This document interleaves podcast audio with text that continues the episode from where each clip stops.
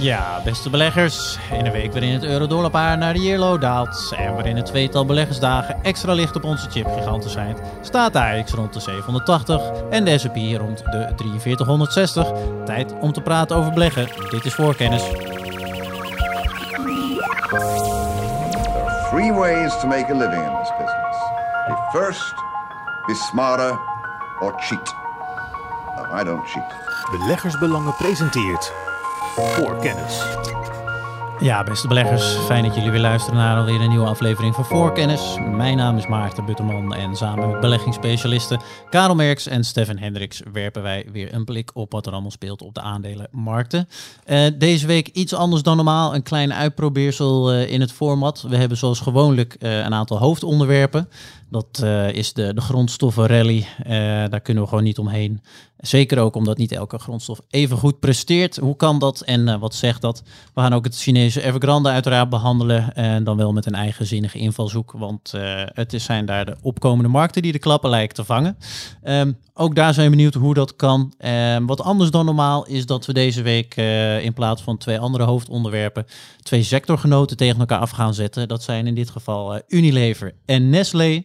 En uh, die gaan we aan de hand van Karel uh, voor Unilever en Nestlé voor Stefan uh, behandelen. En kijken wat dat voor welke beleggers allemaal kan betekenen. Wat doen deze giganten hetzelfde? Wat doen ze anders? Welke strategie voert de keuze? En uiteraard welk aandeel biedt welk soort belegger handelsperspectief? Daar gaan we later naar kijken. Ik ben er zelf heel benieuwd naar. Maar voordat we daar aan de slag mee gaan, gaan we uiteraard nog heel even terugblikken. En daarvoor, Karel, kijk ik naar jou. Leuk dat je erbij bent. Wat is jou allemaal opgevallen deze week? Een hoop, maar ik wil het eigenlijk alleen over twee dingetjes hebben. Okay. Ten eerste is dat China. Uh, China de Chinese economie koelt af. En het gaat behoorlijk rap, want vandaag kwamen de PMI-cijfers uit. Uh, het zijn de inkoopmanagers, dus dan weet je hoe het gaat in de industrie. En ja. voor het eerst sinds februari 2020, dus ruim anderhalf jaar geleden, mm -hmm. krimpt de Chinese industrie.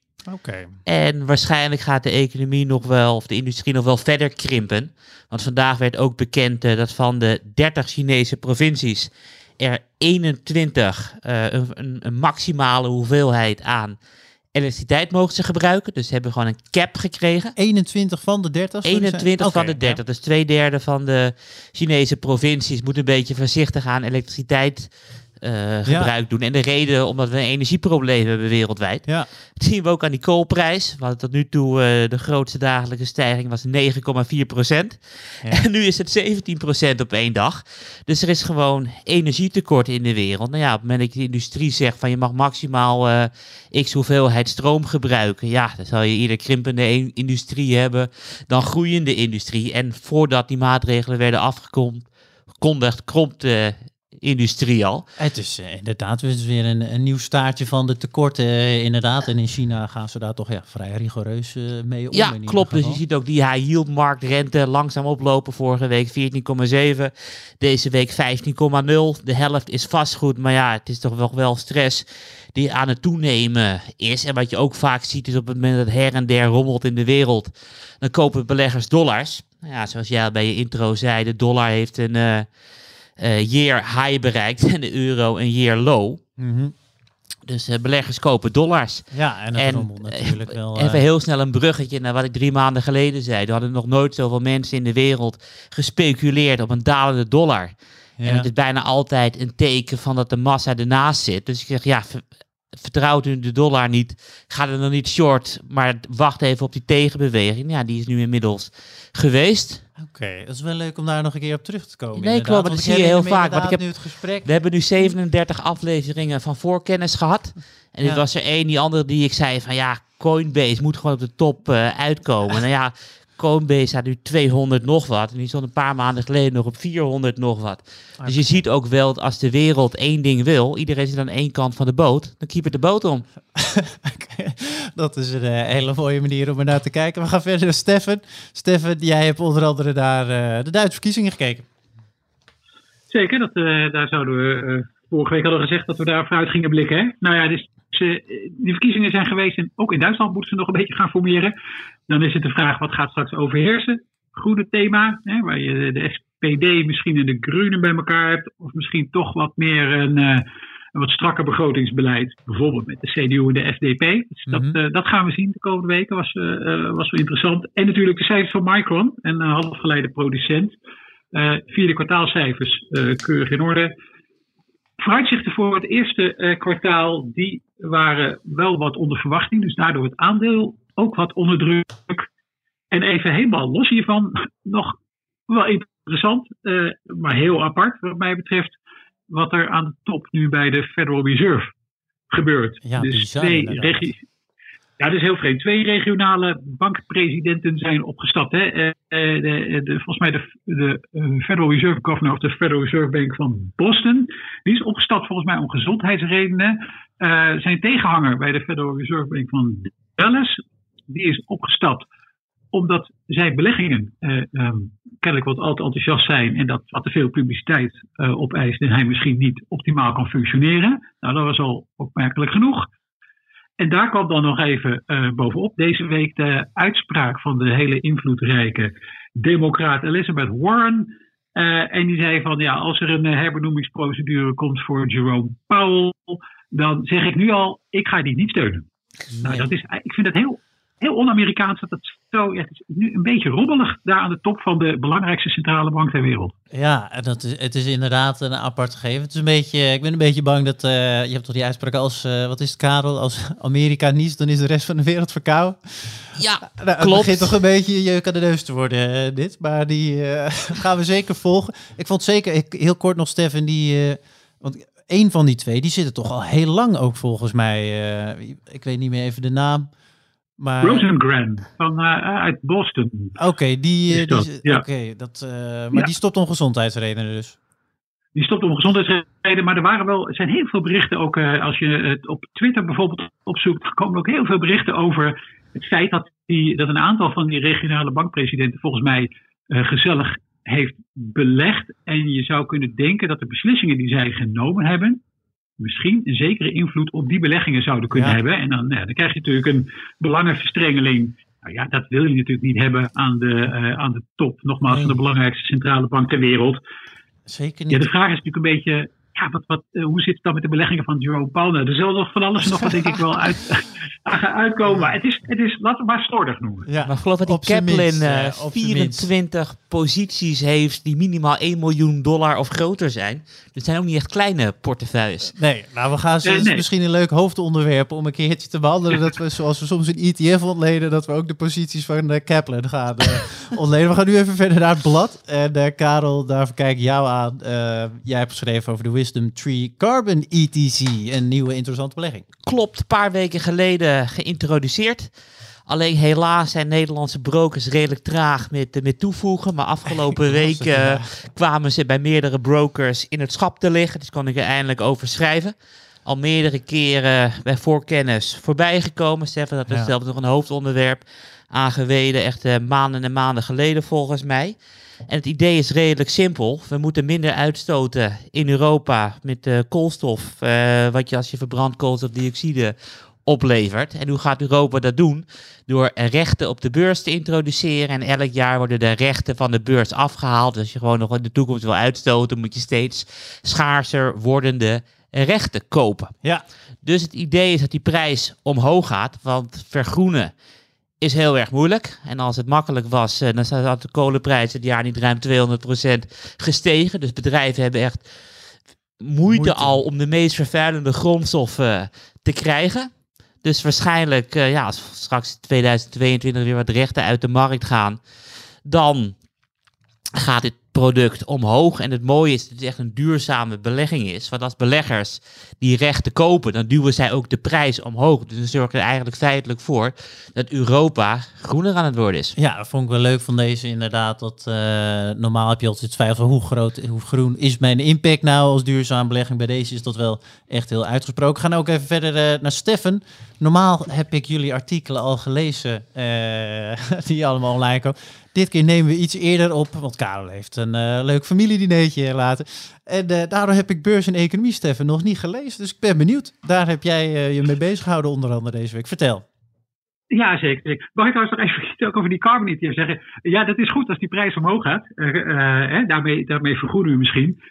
Eh, heeft ook wel een, eh, invloed op je eigen energieprijs. Dus dat is dan wel, dat is dan wel weer misschien een, Fijne een, nuance, kleine eh, keerzijde.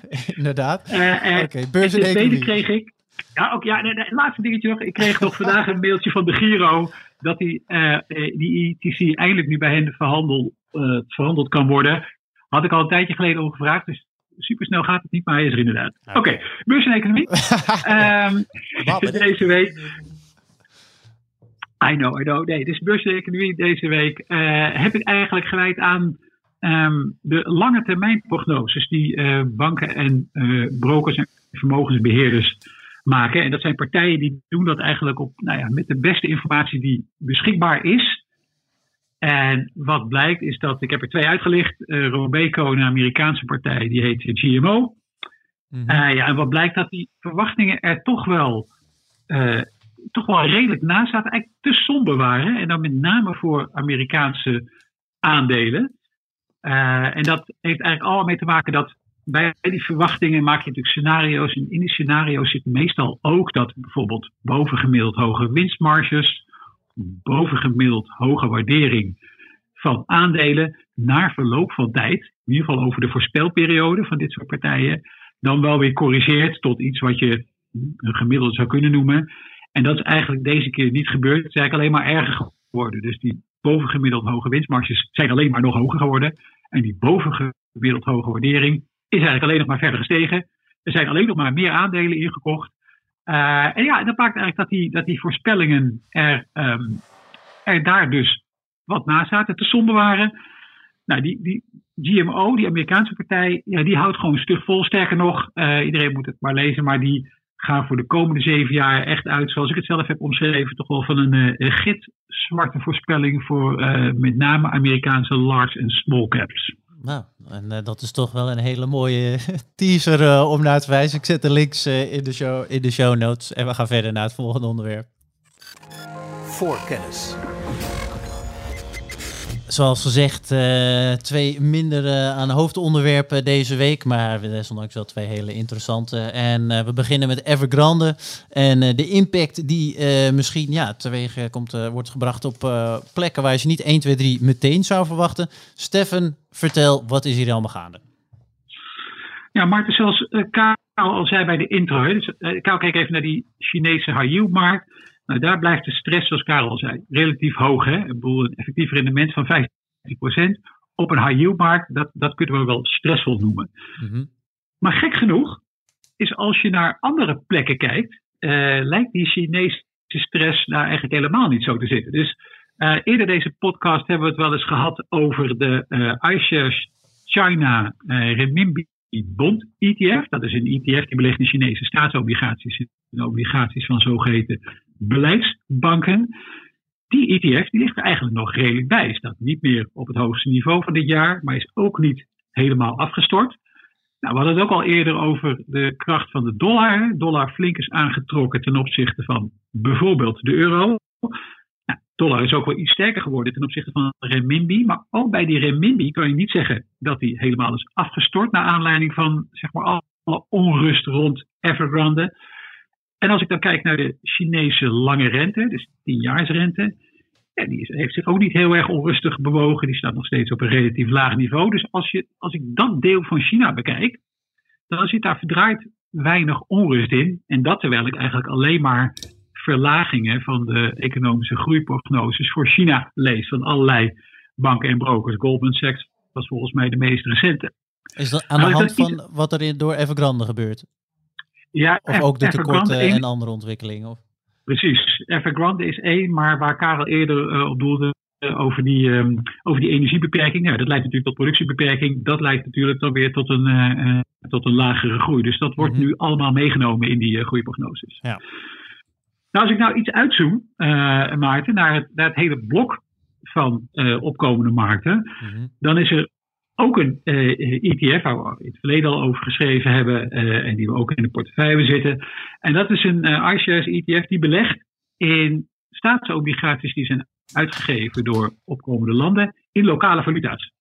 Nou, die ETF die tikte deze week alweer het laagste punt van dit jaar aan en die is echt helemaal omgeknakt. Dus daar zie je de stress wel in. Dan heb je ook nog een index van valuta uit opkomende landen, de JP Morgan Emerging Market Currency Index, zoals dat altijd zo kort heet, uh, ook die staat op het laagste punt van dit jaar.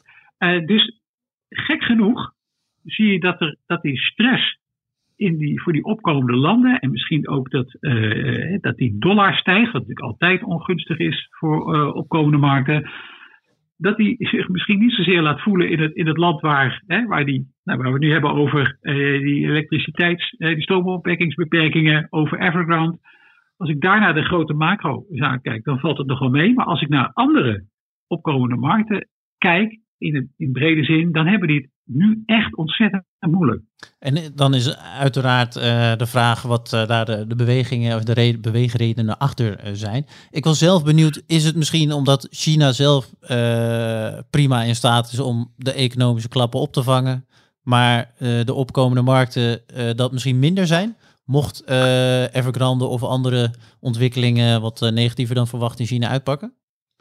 Ja, ik denk dat, dat uh, volgens mij Maarten zit je daar wel heel aardig op het juiste spoor. Ik denk dat eerlijk gezegd zelf ook, dat er misschien onder beleggers meer vertrouwen is in nou, zeggen de, de almacht van de Chinese overheid. Nou, die hebben we al de afgelopen maanden ook een beetje in verschillende sectoren aan het werk gezien. Mhm. misschien dat beleggers daar gewoon meer vertrouwen in hebben dat, uh, dat China dit soort hele hevige klappen beter kan opvangen dan bijvoorbeeld uh, Brazilië of andere um, opkomende landen, die misschien ook last hebben van ijzerertsprijs die bijvoorbeeld helemaal afstort. Nou, als je een grote ijzererts-exporteur bent, pak hem beet. Brazilië, hè, is natuurlijk een grote ijzerertsproducent. Dat daar misschien wat meer twijfel over bestaat hoe die landen om zullen gaan met een wat afkoelende wereldeconomie en wat aantrekkende dollar. Maar het, het, is wel heel erg opvallend dat ja, nogmaals, zowel die ETF als die valuta-index, die zijn echt omgeknakt. Ja, en die valuta-index was ik zelf, maar dat is aan de hand van allerlei valuta uh, is dat opgesteld. Toch niet zoals een valutapaar, uh, zoals bij de euro-dollar. Ja, dan uh, kan de euro zwak zijn en de dollar gelijk blijven en dan daalt het toch. Maar zo'n index is opgebouwd uit een, een reeks. Correct, ja. Ja, oké. Dus het is niet aan de hand van één ding. Nee, dat is een mandje van valuta van opkomende landen ten opzichte van de Amerikaanse dollar. Ja, heb jij, Karel, hier nog naar gekeken? Je had het eerder al over de high yield markt je hebt ook een opkomende markt, daar zit jij toch ook wel uh, in. Heb jij er hier nog over nagedacht? Uh, wat, wat, vond je van deze ja, toch opvallende valutebeweging? Ik heb erover nagedacht. Uh, ik had natuurlijk in maart een verhaal van de week met mijn vijf favoriete landen van de opkomende markten. Mm Turkije is ook helemaal omgeknakt. Dus de rente stijgt daar, de lira daalt en de aandelen gaan, gaan naar beneden. Alleen het wordt wel afgelopen weken volledig gecompenseerd uh, door Rusland. Die aandelen zijn op de hoogste stand van de afgelopen vijf jaar. En het gekke is, ik weet niet waarom, um, India staat ook op een high. Mhm. En India is natuurlijk uh, het land wat het minst zelfvoorzienend is qua grondstoffen. Dus zij moeten al die grondstoffen importeren bijna uit het buitenland. En toch gaat India als een tierenlier. Ik heb geen flauw idee hoe en wat. Eh, en ik ben er ook nog niet helemaal uit wat de rol van de dollar is. Want is het uh, Evergrande die een probleem heeft, waardoor de rest van de opkomende markten misschien ook een probleem heeft? Of is het de dollar? Want we gaan natuurlijk vanaf uh, wat is het, het vierde kwartaal van dit jaar en het eerste kwartaal van volgend jaar hebben we natuurlijk een hele negatieve impuls vanuit de Amerikaanse overheid. Ja. Want uh, ze gaan jaar op jaar veel minder geld uitgeven, omdat er geen steunprogramma's meer zijn en dergelijke. En volgens sommige analisten komt dat overeen met een renteverhoging van uh, 2,5 procent. Okay. I don't know. Weet je. Niks. En, en, vaak zie je dat als de dollar heel sterk is, dat de opkomende markten uh, een probleem hebben. Ja, dat wilde ik net ook, uh, Stefan, aan jou ook nog vragen. Want ja, schitterend uh, bruggetje inderdaad. Want je benoemde die dollar als mogelijke oorzaak. Eh, ik ben zelf niet bekend genoeg met uh, de onderliggende structuren daardoor. Maar zodra de dollar dus sterker wordt, is opkomende markten uh, levert in. Wat, wat zit daar precies achter? Nou, een van de issues is in ieder geval, Maarten, dat, um, dat sommige van die, nee, niet sommige, veel opkomende landen lange tijd alleen maar toegang hadden tot internationale kapitaalmarkten als zij hun leningen uitschreven in wat je dan hard currency noemt. Dus een sterke valuta. En dat was in de regel de dollar. Oké. Nou, dat betekent dat als, die, dat als die dollar sterker wordt, gaan, ja, moeten die landen eigenlijk meer gaan terugbetalen. Hè? En, en lopen hun, uh, hun rentebetalingen ook op. Want ja, Helder. Ja. eh, en, dat, en dan moet je maar hopen dat je voldoende binnenkrijgt. Dus je ziet altijd eh, landen met een, eh, eh, een tekort op de lopende rekening. Als, als dan de dollar stijgt, dan komen die serieus in de problemen. Want die, die kunnen zichzelf niet financieren. Oké, helder. Dat, eh, daar komen we ongetwijfeld eh, nog een keer op terug. Want eh, ja, het is eh, natuurlijk nog niet afgerond. eh, de perikelen rondom Evergrande en de opkomende markten blijven altijd eh, interessant. Tijd om eh, verder te gaan naar het volgende onderwerp. Voorkennis. Een onderwerp waar we al eh, nou, een aantal maanden, zo niet langer, eigenlijk eh, elke keer niet omheen kunnen. Het is de grondstoffenrally. Ehm, het gaat daar nog steeds hard. Eh, niet bij elke grondstof echter even hard. En daar zijn we ook benieuwd naar. Karel, jij hebt naar de rally andermaal, zoals altijd, gekeken. Vertel, waarom moeten we nu naar kijken? Grootste stijging over de afgelopen vijf dagen van de Bloomberg Commodity Index. Oké. 6,6% hoger. Dat is de grootste stijging in, eh, in 18 maanden. Merkte overeenkomst, de Chinese economie presteert het slechts in 18 maanden en eh grondstoffen stijgen het snelst in 18 maanden. En die 18 maanden zal eh, nog vaker terugkomen. En als je dan kijkt naar de Bloomberg Commodity Index, is die opgebouwd uit drie eh, productgroepen. Eh, energie mag maximaal een derde meewegen. Hetzelfde geldt voor landbouwproducten. En de derde zijn basismetalen. Mhm. En afgelopen week was het een combinatie van eh, energie wat hard omhoog ging. Denk aan eh, de olie- eh, en gasprijzen. Ja. Maar katoen steeg met 13,2% eh ook lekker mee. Dus al onze kleding zal de komende maanden duurder worden in de winkel. Ja. En er waren een aantal interessante dingen aan de hand die ik even met de luisteraars wil delen. Eh, afgelopen dinsdag was een van de interessantste dagen van het jaar, vond ik wel. Omdat het een aantal zaken aangaf. Want dinsdag eh, steeg de rente sterk. Ja. En de vijfjaarsrente in de Verenigde Staten bereikte ook eh, de hoogste stand in 18 maanden 1,04 procent. En het was 10 basispunten hoger dan, dan 24 uur geleden. En de AX vond het echt niet leuk, maar toen die 1,04 eh, werd bereikt, zakte de AX eh 2% lager. Maar op datzelfde moment zag je juist eh, Shell door het dak heen gaan. En zij stond op de hoogste prijs in 18 maanden, 3% hoger die dag. En dat is volgens mij eh, de reden waarom het echt een hele belangrijke dag was. Want volgens sommige mensen zeggen dat ik het te vaak over inflatie en grondstoffen heb. Ja, ik denk dat dat gaat eh, veranderen. Met, met als reden dat inflatie een, een blijvertje zal gaan zijn. Oké. En wat ik op zich wel een hele, hele mooie vond, was de opmerking van Jerome Paul. Want die zei natuurlijk dat de inflatie van eh, maart en april 2021 tijdelijk is. En dan zei dus gisteren zei hij dus dat eh, de tijdelijke inflatie van maart en april zal aanhouden tot in eh, 2022. Ja. Dus ik laat er even een stilte vallen. Ik denk, hey, twee maanden hoge inflatie is nu al tot in 2022. Het is verlengd, hè? Het is fascinerend om dat te volgen hoe, eh, hoe dat gaat. Maar ja, wat is inflatie? Dat zijn stijgende rentes, stijgende grondstofprijzen en dalende aandelenkoersen. Dus wel iets om in de gaten eh, te houden. Want op het moment dat we in de jaren 70 gaan krijgen, dus stijgende grondstofprijzen, stijgende inflatie en dalende aandelenkoersen, dan worden we allemaal niet blij. Ik had, eh, maar goed, dat is mijn eh, gemis van de aandelenmarktgeschiedenis. Ik eh, koppel de inflatie niet zozeer aan dalende aandelenkoersen, joh. Maar dat... Ja, want de reden is natuurlijk dat de waarde van het geld in de toekomst daalt. Dus toekomstige Ah. winsten worden lager gewaardeerd. En als je even gaat nadenken van in 1966 ja. bereikte de Dow Jones 1000 punten.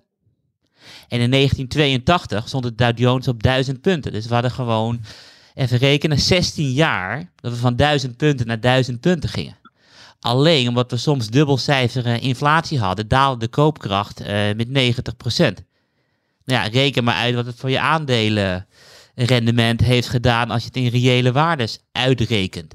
Kijk, en de vraag is een beetje van, eh, wanneer gaat de Fed ingrijpen en gaat de Fed ingrijpen? Ja. Want op het moment dat de Fed gaat zeggen van ja, we accepteren eh, inflatie, ja, dat is niet goed voor de aandelenrendementen. Maar ja, als ze gaan ingrijpen, dan is het op korte termijn niet goed. Dus dat is wel een heel spannend, uh, spannend speelveld. Ja, zeker. Maar dus ook voor, niet voor elke aandeel dus even slecht. Hè? Want uh, nou, je zegt nu zelf al dat de energieprijs bijvoorbeeld deze week omhoog ja, uh, zouden zijn gegaan. Shell, dan, wat in principe is bij inflatie zou de, de olieprijs ook omhoog gaan, vermoed ik dus. En corrigeer me als ik het fout zeg hoor. dus dat kunnen wel interessante aandelen zijn. maar er zijn ook deze week bleek niet elke grondstof deed even hard mee met de rally. Klopt. En die moeten we dan eventueel helemaal vermijden. Welke grondstoffen bleven achter? Want je noemde net even de katoen basis, die de basis. Ja, katoen Maar wat... hebben ze een probleem omdat de oogst echt zwaar, zwaar tegenvalt. Uh, dus die staat bijna verdubbeld in de afgelopen maanden. Dus als je nog kleding nodig heeft, zou ik het nu doen en niet een paar maanden uitstellen. Dus ik heb onlangs uh, mijn kledingkast voor 2022 al aangevuld. Omdat ik Ja. geen zin heb om die prijsverhogingen te betalen. Maar ik ben niet zo modebewust, dus ik uh, draag vaak Kan hetzelfde. ik uh, beamen, beste luisteraars. En welke, welke grondstoffen gingen daar beneden? Hey, we zijn live aan het uitzenden. Nee, maar je hebt bijvoorbeeld de koperprijs, uh, wat gewoon bekend staat als Dr. Koper.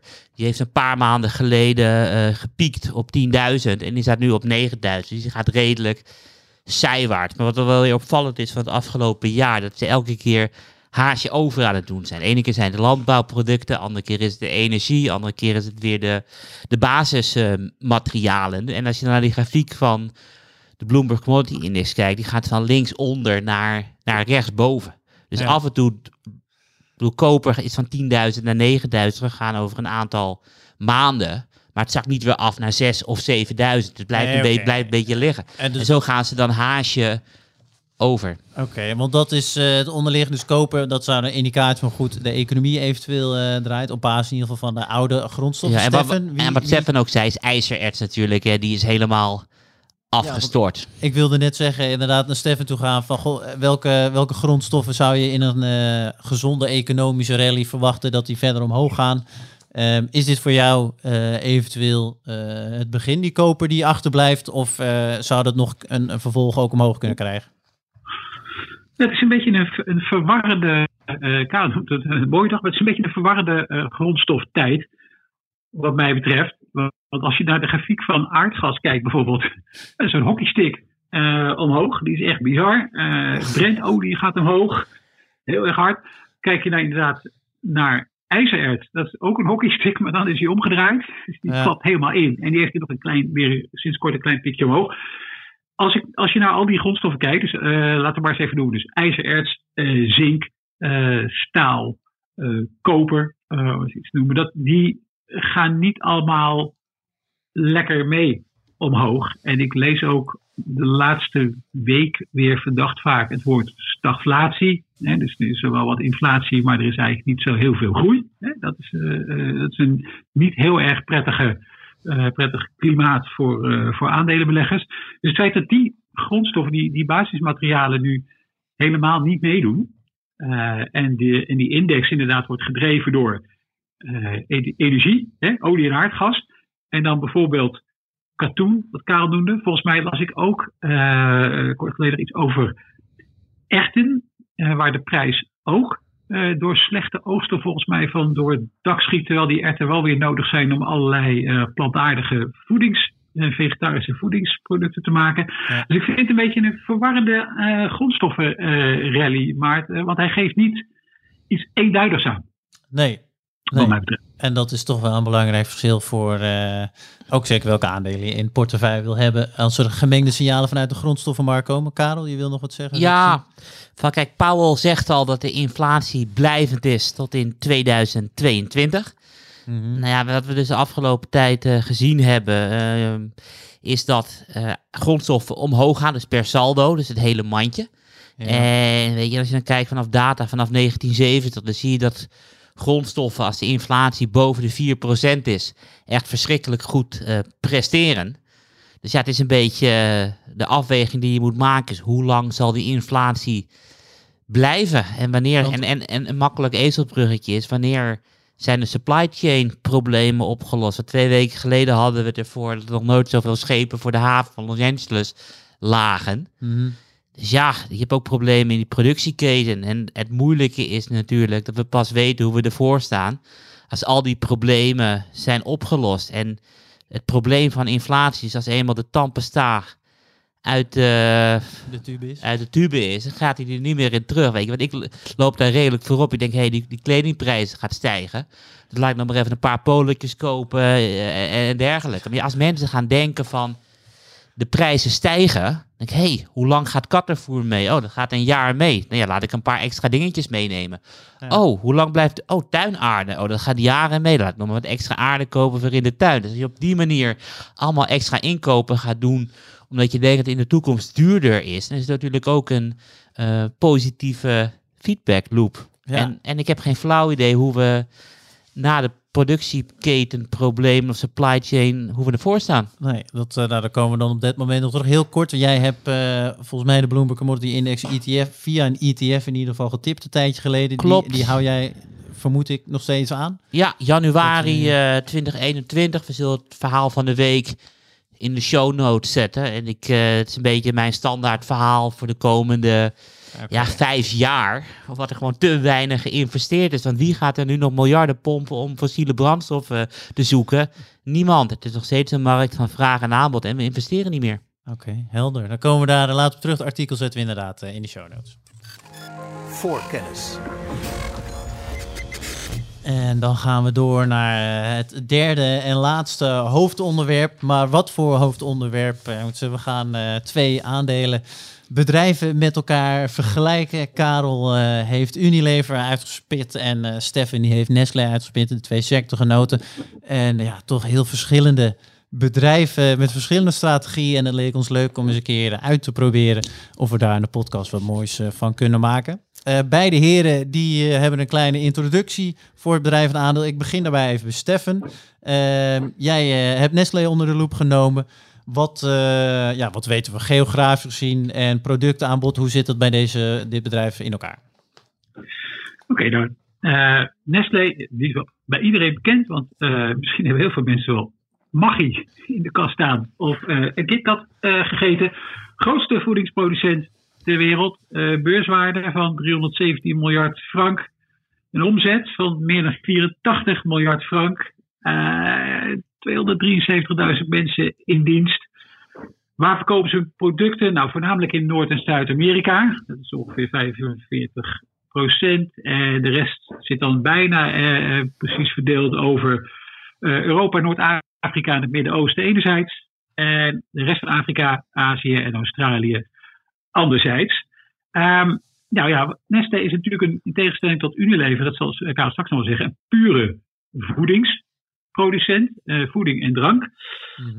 Dranken zijn de belangrijkste categorie. eh, van eh, de, de Nespresso koffie tot, tot allerlei Nesquik, et cetera. Nou, dat is ongeveer eh 26% van de omzet.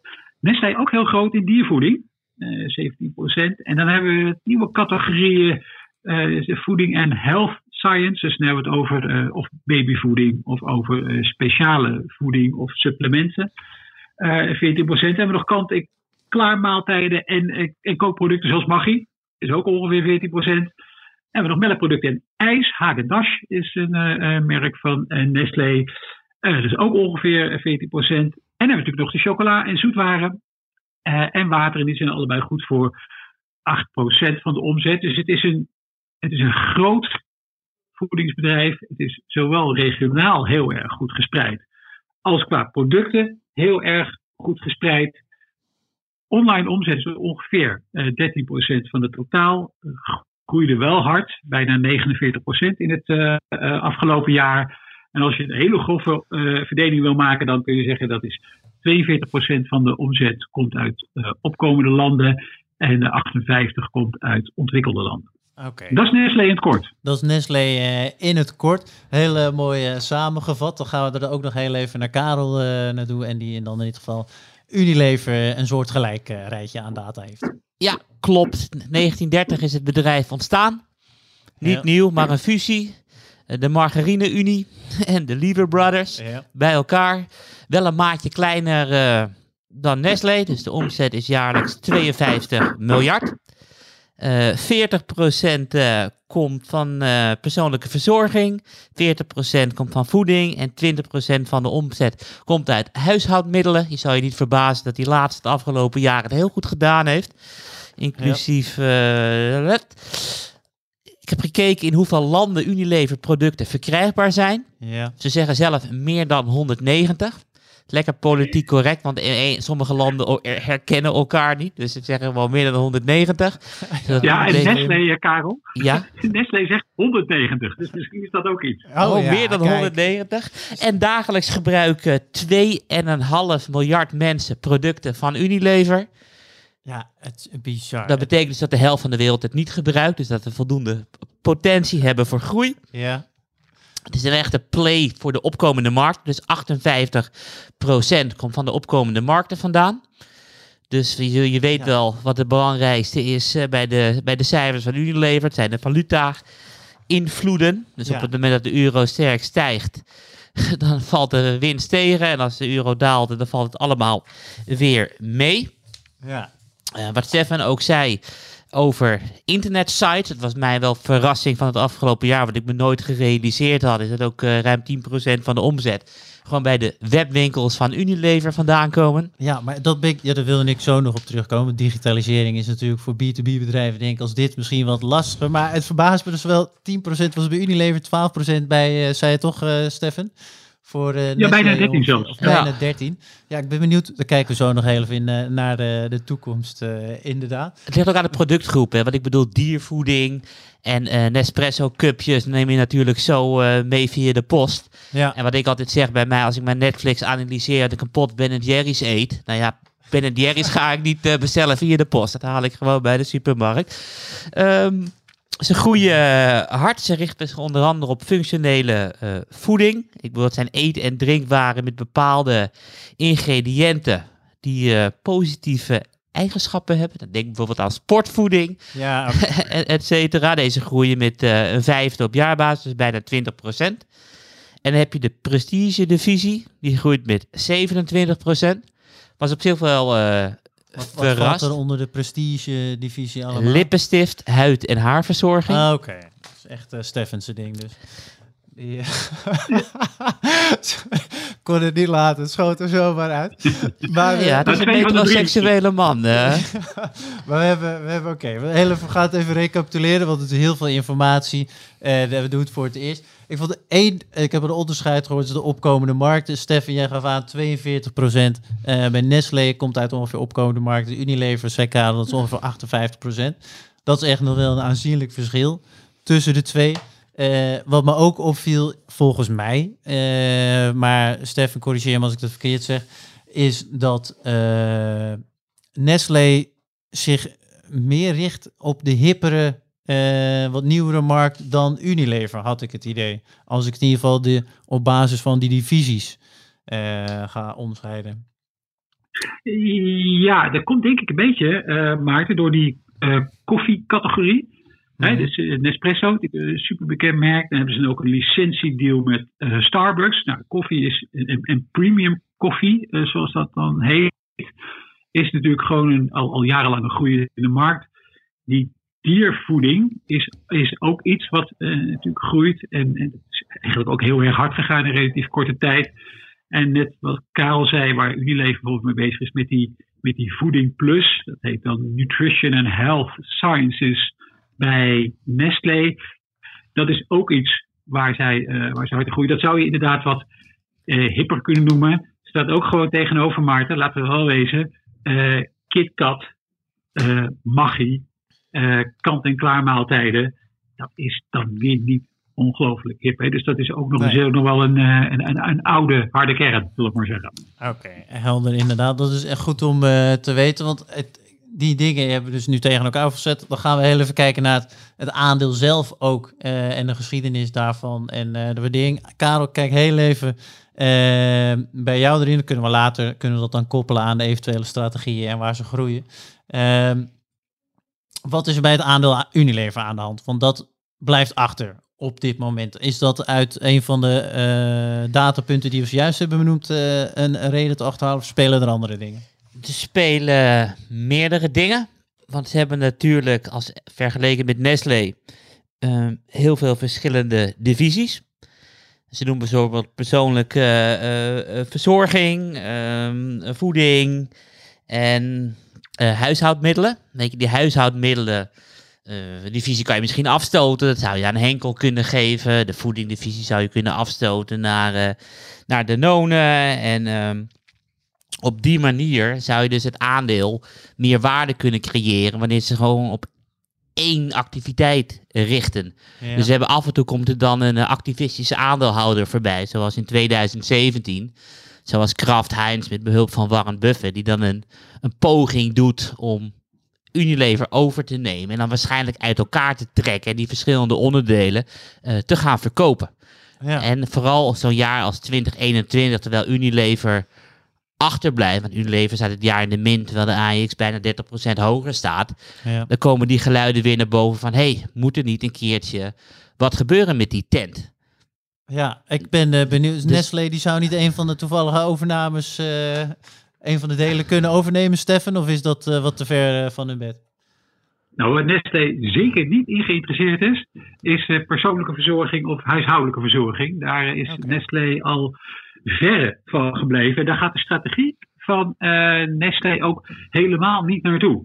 Dus wat Nestlé eigenlijk aan het doen is, die is eigenlijk veel meer bezig, waar we het al eerder over hadden. Vitamines, eh, voedingssupplementen, eh, gezonde voeding. Ook op zogenaamde subscription basis. Hè? Dus dat, dat Een is beetje gewoon eh, online. DSM-achtig. Of, Zeker, een beetje DSM-achtig. Ze hebben ook een, een Engels bedrijf overgenomen, dat heet Tails.com. Eh, daar kan je een algoritme eh, eh, voeding voor je hond bestellen, wat dan het beste bij je hond zou passen. Daar heb je gewoon een abonnement op dat, op dat product. Dus dat is waar een, een Nestlé naartoe gaat. En de categorieën waar, waar Unilever misschien van af zou willen, of categorieën waarvan bepaalde aandeelhouders misschien zouden zeggen tegen Unilever, joh, doe dat is de deur. Dat zijn eigenlijk ook een beetje de categorieën, Maarten, waar, ehm, waar Nestlé al of van af wil of al vanaf is gegaan eh, de, de afgelopen tijd. Dus ehm, eh, er zit niet zo ontzettend veel, denk ik, in eh. Unilever dat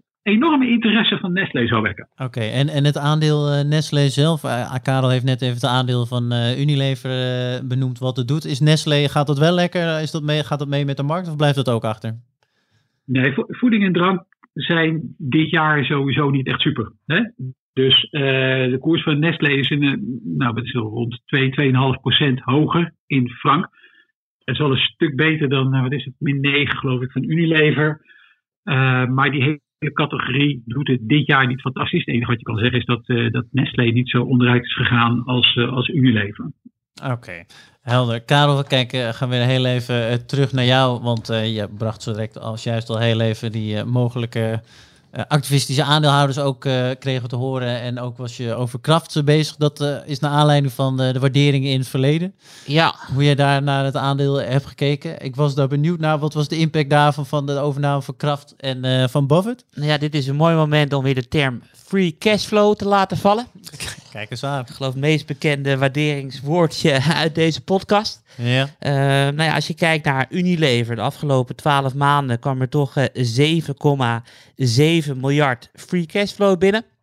Is echt heel erg veel. En op het moment dat je dan kijkt, dus de verhouding tussen de vrije kaststroom en de koers van Unilever, dan zou je daar een eh, waardering aan kunnen plakken. En dit is dus eh 6,1 procent. Maar ja, je wil pas waarderen op het moment dat je de gemiddelde waardering uit het verleden weet. Dus ik heb even gekeken, de afgelopen 10 jaar, toen was de gemiddelde waardering 4,9 procent. Ja. Ehm, nou ja, en dat betekent nu dat nu Unilever goedkoop is. Maar als je dan kijkt naar perioden dat er werkelijk wat aan de hand is, zoals er een activistische overname komt. Ja. Unilever heeft gezegd van, eh, u bent niet welkom meneer Kraft. Ik ga mijn eigen aandeelhouders pleasen. Dus gewoon de periodes, de kwartalen daarna heeft Unilever allemaal cadeautjes uitgedeeld. Door te zeggen van ja, we gaan het dividend verhogen met, eh met 13%. Terwijl het jaren daarvoor maar met 7% eh, omhoog ging. En toen kregen beleggers er weer zin in. En toen zag je die koers ook redelijk snel stijgen van eh 6,37 volgens mij naar, naar 50. En toen daalde de cashflow yield uiteindelijk naar, eh free cashflow yield naar 3,1%.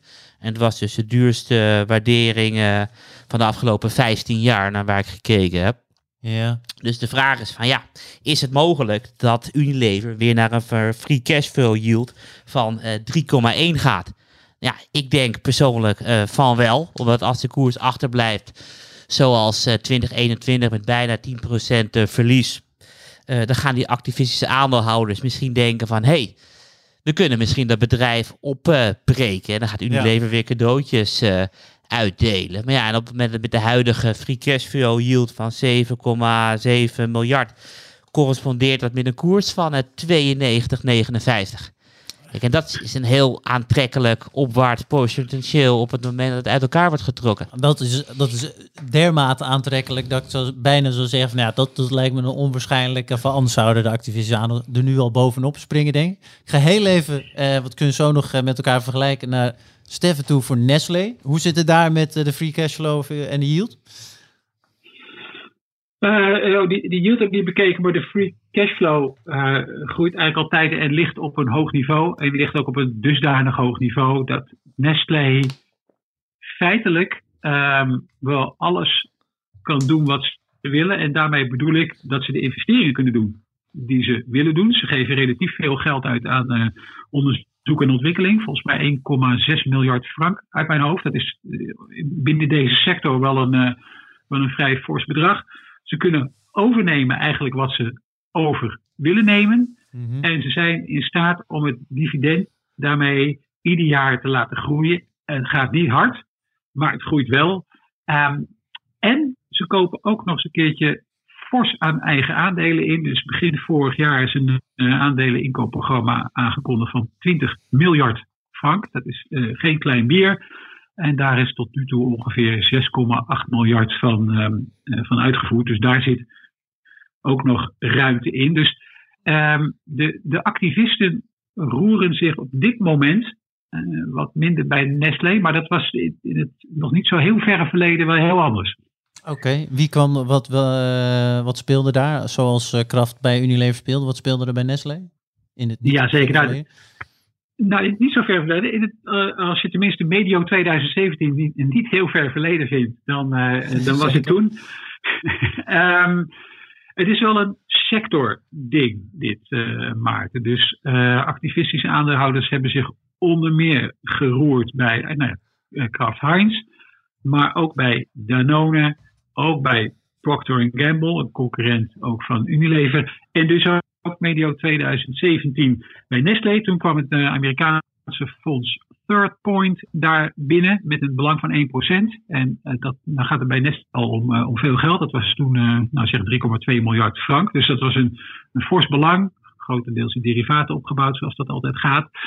Nou ja, die partij die, die, die, die, die slaat dan fors op de trom, natuurlijk. En die zegt, nou, jullie moeten, jullie moeten nu wel iets anders gaan doen. En er kwam een nette brief naar Nestlé, waarin ze zeiden, nou, we zijn blij met een aantal ontwikkelingen. Dat jullie bijvoorbeeld chocolade- en zoetwarenactiviteiten in de VS hebben verkocht. Dat vinden we allemaal hartstikke mooi. Maar we willen eigenlijk toch wel dat jullie wat meer doen. En er was een aantal punten dat Nestlé moest gaan doen. Okay. Om te beginnen zeiden ze, ja, Nestlé heeft eigenlijk vrij weinig schuld. Dus de verhouding tussen de netto schuld, dat is schuld min de cash die je op de balans hebt staan, en de operationele winst voor afschrijvingen en amortisatie goodwill, dat noem je EBITDA. Nou, die is ongeveer 1. Nou, jullie kunnen veel meer schuld hebben op die balans, dus verdubbel dat maar eens een beetje richting de 2. Dan kan je bijvoorbeeld ook meer eigen aandelen inkopen. Nou, dat is Nestlé een beetje gaan doen. Um, verder hebben ze gezegd, nou, jullie moeten toch wel eens gaan werken aan wat uh, serieuzere uh, en formelere margedoelstellingen. Uh, marge van Nestlé lag destijds zo rond de 16% in 2017, 16. Was ook niet echt super hoor, moet ik eerlijk zeggen. Wel wat, wel wat aan de lage kant. En, en dat was op zich ook nog wel een bonus. Uh, Third Point zei ook, ja, jullie hebben een belang in L'Oréal. Nou, daar moet je toch wel wat beters mee kunnen doen. Dat dat gezellig de hele tijd op je balans te houden. Hoe groot uh, is dat? L'Oréal is natuurlijk ook geen kleine speler. Ik weet niet hoe uh, groot het belang van hun is. Uh, groot, maar groot. Dus het uh, belang in L'Oréal is uh, ruim 23 procent. Um, en dat is goed voor ongeveer, nou, wat zal het zijn, 50 miljard frank. Ja, Oké, ja. Dus Niet niks. En dan, wat hebben- bedoelen ze daarmee dat ze dat eh, van de hand konden doen om eh, weer eh, een andere richting in te slaan? Of wat, wat, suggereerden die aandeelhouders daarmee? nou, precies dat. Die zeiden, kijk, ja. nu, zit dat, eh, eh, nu hebben ze dat belang en dat zit op de balans. En eh, nou, als je de koersgrafiek van L'Oréal erbij pakt, nou ja, dan zijn, de, dan zijn de slechtere zaken die je op je balans had kunnen hebben Ja. dan aandelen L'Oréal. Eh Nestlé deelt mee in de winst van L'Oréal. Dus zoals afgelopen jaar eh, kleine 890 miljoen frank. Dus ongeveer 7% van de netto winst. Dus het draagt ook nog wel wat bij hè, aan de winstgroei van Nestlé. Maar die activistische aanhouders zeiden van ja, luister, een, een, een belang in L'Oréal aanhouden is niet echt een kernactiviteit. Dus kun je, kan het management nou niet echt iets beters verzinnen dan dat Ja. belang gewoon aan te houden? Kun je het niet verkopen en dan allerlei acquisities doen? Want jullie hebben zoveel mogelijkheden nog. Ja, ja het is eh, bijzonder. Dus, eh, oké, dus Nestlé die, eh, die heeft alle, nou, als ik het zo even tijd, ruimte en geld om te investeren en verder te groeien. Bij Unilever, Karel, is dat, heb ik het idee, toch iets minder, maar corrigeer me Oh, dat mag je uitleggen. Nou ja, omdat uh, Stephanie zegt heel stellig, het is de grootste, er gaat heel veel geld naar research en development. Uh, we hebben nog een stukje L'Oreal, of een stukje, een gigantisch stuk L'Oreal, wat eventueel van de hand gedaan kan worden. Uh, ik heb het idee dat dat qua mogelijkheden, dat het bij Nestlé in ieder geval beter is. Um, ik weet niet of je bij Unilever een soortgelijk uh, verhaal gaande is hoor. Ik ben sowieso nog heel even benieuwd, los daarvan, hoe het zat. Want Dave, Stefan had het al even over dividend. Hoe is dat bij Unilever? Want dat is ook een dividendaandeel natuurlijk. Ja, ze waren bijna in staat om de eerste Europese dividend aristocrat te worden. Dus ze hadden vorig jaar uh, 24 jaar op rij het dividend uh, verhoogd. Coronacrisis gelijk gehouden. Dus uh, we hebben steeds, nog steeds geen Europees bedrijf met 25 jaar van dividendverhogingen. Ja. Maar los daarvan uh, stijgt het dividend dit jaar gewoon weer. En elk jaar is het dan behalve 2020 met een percentage dat hoger is dan de inflatie. En je ziet ook uh, de cashflow elk jaar toenemen. En op het moment dat iemand van de onderklasse naar de middenklasse gaat, hebben ze ook weer ruimte om een zeepje van Unilever te kopen. Het is misschien minder hip, maar het werkt, uh, het werkt wel. Ja, zonder meer. En ik heb even gekeken ook naar uh, de rendementen die met deze aandelen te behalen zijn. Ja. Dat heb ik gedaan inclusief dividend. En beide heb ik omgerekend naar, naar euro, zodat de valuta-effecten ook worden meegenomen. En dan vanaf 29 september 2011, dus de afgelopen 10 jaar. Ja. En dan zie je dat de 50 grootste bedrijven in Europa een, een rendement hebben gegeven van 165 procent. Uh, Unilever doet het ietsje beter, die zit op 175 procent. En uh, Nestlé is de winnaar met uh, 238 procent. En ik zou de lezers willen wijzen om nu even te kijken bij onze show notes. Maar daar heb ik een grafiek van de afgelopen uh, 10 jaar. Van de free cashflow yield ten opzichte van de koers. Dus mijn favoriete waarderingsmaatstaaf bij deze aandelen. En okay. tot 2017, 2018 loopt het ongeveer gelijk op. En vanaf dan ge gebeurt er wat geks. Dan gaat dus uh, uh, Nestlé daalt naar 3,1. Dus ja. die koers gaat echt hard omhoog. Naar aanleiding van die activistische aandeelhouders. Verhaal wat Seven net vertelde. En die van Unilever gaat hard de andere kant op. Dus die ze zijn nog nooit zo ver uiteen gelopen. Ja. Um, dus ik weet nog niet of de komende jaren um, Nestlé weer gaat winnen. Ja. Omdat die free cashflow yield uh, van Unilever dubbel zo hoog zit. 6,1 of 2 uh, was dat. Nestlé zit op 3,1. Dus het bedrijf is uh, hoger gewaardeerd. Dus Nestlé moet wel waarmaken wat er in de koers zit. En Unilever uh, zit op 6. Mm -hmm. En laat ik je wat voorbeelden geven. Op het moment dat er uh, paniek uitbreekt, zoals in maart 2020, dan stijgt de free cashflow yield van uh, Unilever naar 7. Dat is maar ietsje hoog als nu. En in, in, in 2008, toen we dachten met z'n allen dat de wereld verging, toen zeeg je naar 8% de free cashflow yield.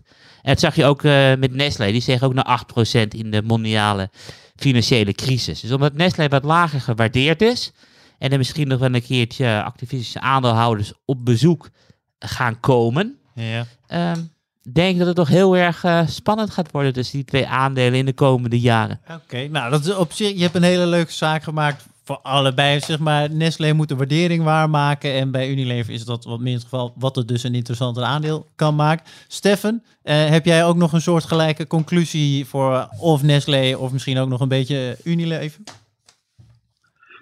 Ja, als ik naar de, als ik naar de activiteiten kijk en ook naar de overnameactiviteiten en de, en de, desinvesteringsactiviteiten, heb ik het idee dat Nestlé wat beter op streek is met het uitbouwen van wat nieuwe categorieën, uh, wat sneller groeiende categorieën en het, voor de toekomst wat interessantere categorieën. Dus voorbeeld wat ik je nog zou willen geven is dat Nestlé um, uh, ook nog niet zo erg lang geleden een biotechbedrijf notabene heeft overgenomen. Dat een medicijn maakt tegen voedselallergieën, in dit geval pinda-allergieën. dus dat is de, ook de richting waar Nestlé op werkt. Ze heeft ook allerlei overnames gedaan in plantaardige voeding. goede desinvesteringen gedaan. Als ik naar het productaanbod van Nestlé nu kijk, ten opzichte van Unilever en, de, en ik kijk naar de toekomstige groeikansen, vind ik dat het er voor Nestlé wel ietsje positiever uitziet. Niet alleen wat mij betreft qua groei, uiteindelijk vermoedelijk ook wel uh, qua marge, maar ook qua mogelijkheid om prijzen te verhogen. Nestlé zit in mijn optiek in meer categorieën in het, nou ja, zoals we dat noemen, meer het uh, premium segment dan, um, dan Unilever, denk ik. Okay, Stefan, zou je ook, uh, dit is natuurlijk hoe het bedrijf draait, uh, maar is voor jou ook nog relevant dat de waardering van Nestlé aan het oplopen is en Unilever aan het dalen? Ja, zeker. Nee, dat, dat is voorkomen terecht punt wat je daar maakt. Dus als je puur als belegger kijkt, uh, wat is nou het meest kansrijk, dan is, uh, dan is ja, het is overduidelijk. Dat, er zitten ook in koers-winstverhouding zitten er vijf, zes punten nu tussen, um, tussen Nestlé en tussen Unilever. Het dividendrendement van Unilever is, wat is het, 3,6. Bij Nestlé is het ongeveer 2,5. Dus je weet dat je meer gaat betalen voor een kwalitatief beter bedrijf. Uh, ik denk alleen dat er wel wat moet gebeuren bij Unilever. En dan bedoel ik wat meer gebeuren dan bijvoorbeeld de T-divisie uh, naar de beurs brengen. Of, dat is, of, verkopen, dat is iets wat al, uh, wat al een tijd lang bekend is. Ik heb alles wat ik de afgelopen dagen over, over die bedrijven heb gezien, heb ik een wat beter gevoel bij de strategie van Nestlé en hoe dat wordt uitgevoerd, dan op dit moment bij Unilever. Het is toch een beetje het idee van wat voor type belegger je nu bent, welk dan het bedrijf uh, uh, of welk aandeel het interessant is op dat Je zou kunnen zeggen, nou, ik ben de wat meer stabielere man. Ik weet zeker dat uh, Nestlé mij gaat voorzien van groei en ze doen goede research en development en investeringen. En er komt misschien in iets mindere mate, zowel dividend als koerswinst, wel weer naar me toe. En als je iets wat risicovoller bent, zou je wel zeggen van ja, ik uh, neig meer naar Unilever, want de waardering is laag. En ze lopen misschien wel achter en hebben risico's. Maar dat biedt mij meer kans. Ik uh, ga het zo op die manier uh, heel even samenvatten. Ik vond het wel een hele leuke manier om naar deze twee bedrijven te kijken. Ik zou ook nog even tegen de vaste luisteraars zeggen. Uh, laat even op het forum weten wat je hiervan uh, vond, dit onderwerp. En uh, misschien heb je nog suggesties, niet dat we ze per se kunnen behandelen. we gaan nog heel even, om aan het einde van dit te maken, een kleine vooruitblik doen op de komende week. Voorkennis. Daarmee begin ik met Stefan. Stefan, vertel, waar ga je allemaal naar kijken de komende week? Ja, het belangrijkste, dat begint eigenlijk vanavond al en morgen, uh, zijn toch de uh, politiek-economische ontwikkelingen in de VS, Maarten. Uh, we hebben te maken weer met het fameuze schuldenplafond, wat nog in de VS opgelost moet worden. Maar misschien nog wel belangrijker dan dat is, wat blijft er nu uiteindelijk over van het gigantische stimuleringsplan van Joe Biden, de nieuwe regering Biden. Natuurlijk allerlei gevolgen voor Amerikaanse groei, voor bepaalde sector die daarvan kan profiteren voor de dollar, voor de rente, et cetera. Het heeft, het heeft uh, gevolgen die zich denk ik nog wel uh, jaren zullen laten voelen. Um, ja, en dat uh, ik vind vreselijk om het zo te moeten zeggen. Maar dat politieke spel wordt ja, gespeeld as we speak. Ja, oké. En hoeveel van uh, dat plan van Biden zit ook al in de koers verwerkt? Dan ben ik dan ook uh, benieuwd naar. Daar komen we ongetwijfeld nog uh, een keertje op terug. Karel, heb jij toevallig nog iets op de planning staan voor de komende week? Of is het even wachten wat het nieuws brengt? Ik laat me sowieso graag verrassen, want de meest interessante dingen zijn natuurlijk de dingen waar je geen rekening mee hebt gehouden. Ik bedoel, kijk uiteraard op wat Stefan zegt naar het plan van Biden, of wat er doorheen komt. Ik bedoel, wat ook een hockeystick is, is de approval rating van Biden. Alleen die gaat ook naar beneden en niet omhoog. Ja. En hoe uh, lager zijn, uh, zijn rating, hoe meer uh, democraten gaan morren natuurlijk. en ze hebben zo'n grote meerderheid, hebben ze niet. Want iedereen moet wel wel voorstemmen, dus dat is interessant. Ik ben bezig met het verhaal van de week over gaming. Oké, leuk. Het wordt ook heel erg leuk. En daarna, uh, na 37 afleveringen onafgebroken hier zijn, ga ik drie keer voorkennis skippen, want ik lekker met vakantie ga. Kijk eens aan, nou, dat zijn uh, mooie vooruitzichten om uh, naartoe te kijken. We hebben overigens voor de afwezigheid van Karel al een hele mooie invulling geregeld. Dat gaat u ongetwijfeld merken. Voor nu zijn we aan het einde gekomen voor weer een nieuwe aflevering van Voorkennis. Steffen, dank uiteraard voor de bijdrage. En Karel, jij ook uiteraard bedankt weer voor de leuke bijdrages. En tot de luisteraar zeggen we tot de volgende keer.